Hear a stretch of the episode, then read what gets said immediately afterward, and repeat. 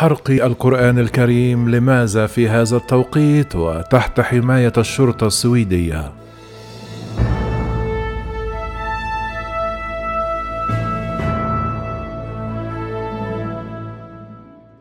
ستة وعشرون مصابا من الشرطة وفي مقابلهم أربعة عشر مدنيا وخسائر مادية كثيرة هي حصيلة ما جرى في السويد خلال الأيام الأخيرة بعدما شهدت عدة مناطق في البلاد صدامات عنيفة كرد فعل على ما أقدم عليه الدنمارك السويدي راسموس بالودان قائد حركة ستروم كورس. كانت الحركة اليمينية المتطرفة قد أقدمت السبت على حرق نسخة من القرآن الكريم في مدينة مالمو السويدية فيما قام زعيمها بحرق نسخة أخرى جنوبي البلاد. الأمر الذي فجر احتجاجات تحولت فيما بعد إلى أعمال شغب من جهة وأثارت الواقعة غضب دول عربية وإسلامية مما دفعها لإصدار بيانات منددة وغاضبة. جاء فيها أن ما حصل هو إساءة متعمدة للقرآن الكريم واستفزاز وتحريض على المسلمين. يعرف بلدوان منذ سنوات بمناهضته للإسلام والهجرة ويعتزم الترشح للانتخابات التشريعية السويدية في سبتمبر المقبل. وبحسب وكالة فرانس بريس فإنه لم ينجح بعد في جمع التوقيعات اللازمة ويقوم حاليا بجولة في السويد حيث يزور الأحياء التي تقطنها نسبة عالية من المسلمين لإحراق نسخ من المصحف فيها. ومنذ مطلع العام الحالي ترددت أخبار السويد كثيرا على لسان العرب المقيمين فيها واللاجئين أو حتى المسلمين في دول مختلفة ووسائل الإعلام العربية والمحلية وارتبط ذلك بحادثتين. الأولى كانت بخصوص العائلات السورية والعربية التي تم سحب أطفالها منها من قبل هيئة الخدمات الاجتماعية السويدية السوسيال بينما تحكم الثانية وهي حرق المصحف المشهد الآن. ويجادل بعض اللاجئين السوريين والعرب بأن السلطات تتعمد فصلهم عن أطفالهم لأسباب واهية. ويصرون على وصف ما حدث بأنه حملة تستهدف المسلمين دون غيرهم. ويقولون بأنهم باتوا يواجهون تحديات خطيرة تتعلق بتدينهم وهويتهم ومستقبل أبنائهم. كذلك الأمر فيما تشهده السويد الآن استشير غالبية التعليقات للجالية العربية والمسلمة من بينها حديث لشاب سوري إلى أن ما حدث هو أن ظاهرة الإسلاموفوبيا باتت تهدد تعايش الناس في السويد. ويصف بأننا نحن أمام موجه كراهية قد تنعكس بالسلب شيئا فشيئا علينا خلال المرحلة المقبلة. رغم التفاصيل الصادمة لكل من الحادثتين المذكوريتين وحالة الغضب السائدة إلا أن بعض السوريين لا يرون أي رابط بينهما موضحون أن حادثة السوسيال لها سياق مختلف عما حدث في الأيام الأخيرة.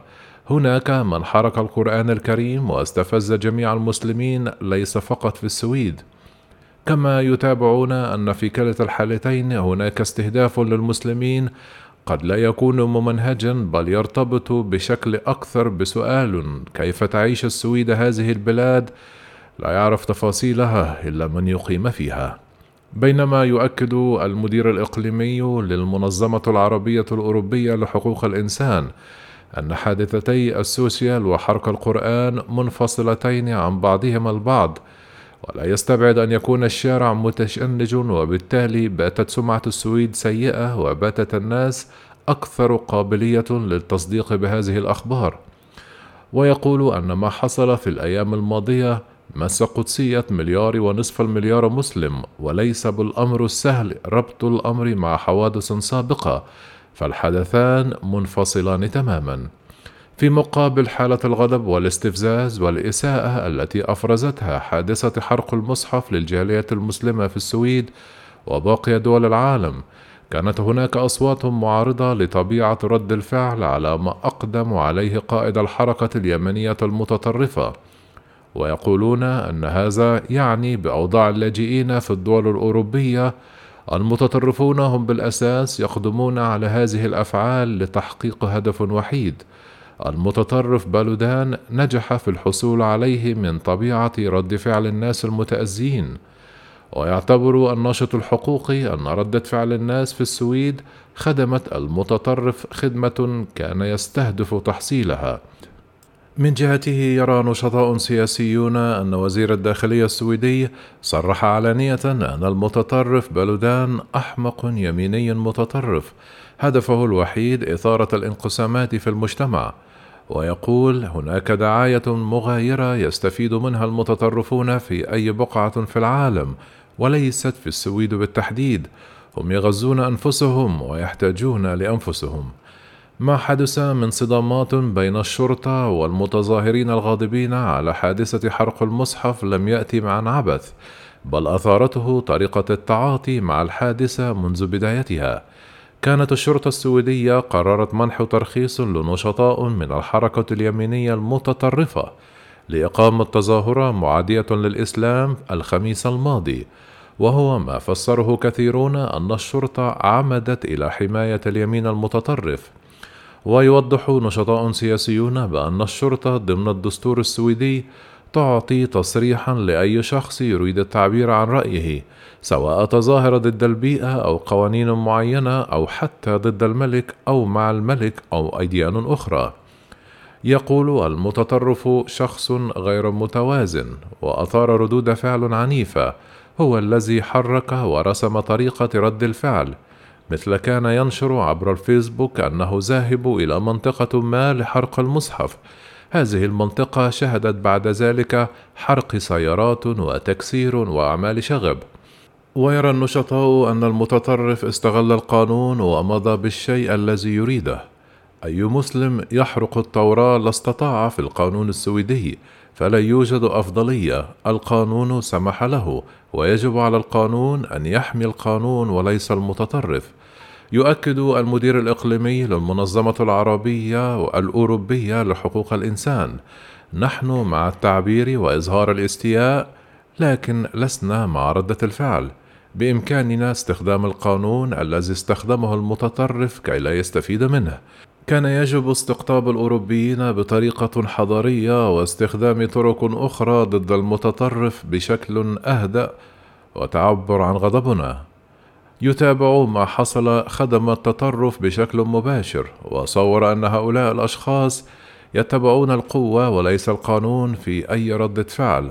هو حاول أن يستفز مشاعر المسلمين لدرجة عدم التفكير بردة الفعل. وسبق للمتطرف وأن أثار الذي ينشر تسجيلات على مواقع التواصل الاجتماعي يوتيوب الجدل في عدة مناسبات خلال السنوات الأخيرة. ففي عام 2019 أحرق مصحفا ملفوفا في لحم خنزير مقدد وحظر فيسبوك حسابه لمدة شهر بعد أن نشر صورة تربط بين الهجرة والجريمة. ويقول مراقبون أنه نجح خلال الأيام الأخيرة في إحداث صدام بين الجالية المسلمة والشرطة السويدية وذلك قد يترتب عليه آثار سلبية في الأيام المقبلة. كما صرح حقوقيون بأن المشكلة الحقيقية أصبحت مع الدولة السويدية التي تم انتهاك القانون فيها. المتطرف استغل القانون لصالحه. كما أضافوا أن في الوقت الحالي حقق المتطرف السويدي إنجازا كان لا يحلم به من خلال ردة الفعل. الإنسان الذي يستطيع أن يضبط ردة فعله هو المنتصر. المتطرف استخدم القانون وكان يجب استخدام القانون. أما النشطاء سياسيون فيرون أن المتطرف ليس له شعبية وهو يمشي وراء نظرية أنه بإمكانه الاستفزاز وأن المستفيدين قنابل موقوتة ضمن المجتمع. ويقول نشطاء أن السويد دولة لا تعتمد على منطلقات دينية والدين بآخر تفكيرهم. في المقابل لا يمكن للشرطة أن تتدخل برأي سياسي. ويضيف النشطاء بأن علينا أن ندين أفعال الشخص المتطرف واستفزاز مشاعر الناس بشكل عام دينيا. لكن السؤال الآخر لمصلحة من حرق مدرسة أو باصات نقل داخلي وسيارات مدنيين؟ لماذا تحت عاطفة الدفاع عن القرآن حدث كل هذا الشيء؟ ومن له مصلحة لإظهار هذا الوجه؟ وهل ما حصل دفاعا عن القرآن أو حرقه مرة أخرى؟ في غضون ذلك وفي تعليقه على الأحداث التي تشهدها السويد يقول مؤسس ومستشار مركز الدراسات الإسلامية محمد حبش أن الإساءة للنبي صلى الله عليه وسلم لم تتوقف خلال التاريخ عندما نذهب إلى عصر النبوة النبي تعرض لإساءات كثيرة وتلقى اتهامات فاجرة بأنه ساحر ومفتري وكذاب حتى زوجته عائشة رضي الله عنها تعرضت للإساءات. هل حشد النبي الناس وأحرق بيوت المسيئين وأظهر الغضب؟ كما يضيف محمد حبش لم يحصل شيء من هذا. القرآن واضح مستشهدا بآية من سورة الحجر. بسم الله الرحمن الرحيم. ولقد نعلم أنك يضيق صدرك بما يقولون. فسبح بحمد ربك وكن من الساجدين. واعبد ربك حتى يأتيك اليقين.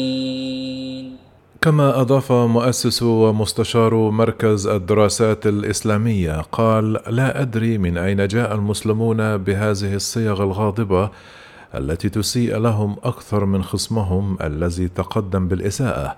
واعتبر أن المظاهرات تظهر المسلمين بأنهم لا يحترمون القوانين والحريات. يجب أن نرفع الصوت بإدانات السلوكيات خاصة أنها توجه لأشخاص آخرين. وتابع نحن لا نفرح بالإساءة ونعتبر أن قوانين حرية الرأي بحاجة لضوابط وأن تقوم الهيئات الرسمية بوضعها كي لا يجوز للمسلم أن يدفع لسلوكيات تناقض قيم الإسلام وتسيء للوجود الإسلامي في الغرب وتقدم صورة سيئة عن الإسلام والمسلمين. كما يضيف مستشار مركز الدراسات الإسلامية ندعوهم إلى منطق القرآن الكريم الذي كان يتلقى الإساءات بمنطق ادفع بالتي هي أحسن فإن الذي بينك وبينه عداوة كأنه ولي حميم.